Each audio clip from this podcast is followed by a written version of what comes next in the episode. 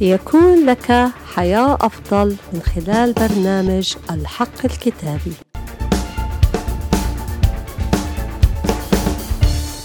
حقيقة اليوم الكتابية بعنوان ألمس هد بثوبه.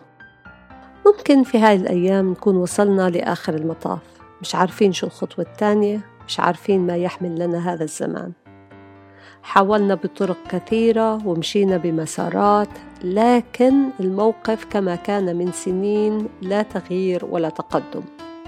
خلال السنين حطينا كل طاقتنا لحل المشكلة ولا تتغير كالمرأة النازفة الدم كما في لوقا 8 تعبانة 12 سنة. أنفقت كل معيشتها لم تقدر أن تشفى من أحد.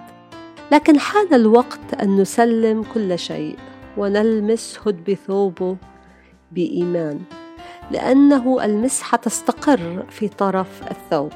في مزمور 133 عدد رقم 2 مثل الدهن الطيب على الرأس النازل على اللحية لحية هارون النازل إلى طرف ثيابه. الموضوع مش عند الدكاترة ولا الفلوس عشان نحاول نروح للدكاترة. الموضوع أن نلمس هد بالثوب بإيمان والثقة ونلمس طرف المسحة عشان نتغير نشفى أمورنا تنحل لأن المرأة النازفة الدم حاولت بقدراتها 12 سنة دون حل لكن من خلال لمسة الهدب بإيمان برئت في الحال. حط مرضك وضعك مشكلتك والمس هد بثوب الرب يسوع وتأكد أنه الشافي. اللي بحل كل المشاكل والأمور المستعصية. صلي معي. يا رب يسوع أنا بحط حياتي بين يديك. كل أمر مستحيل عندك.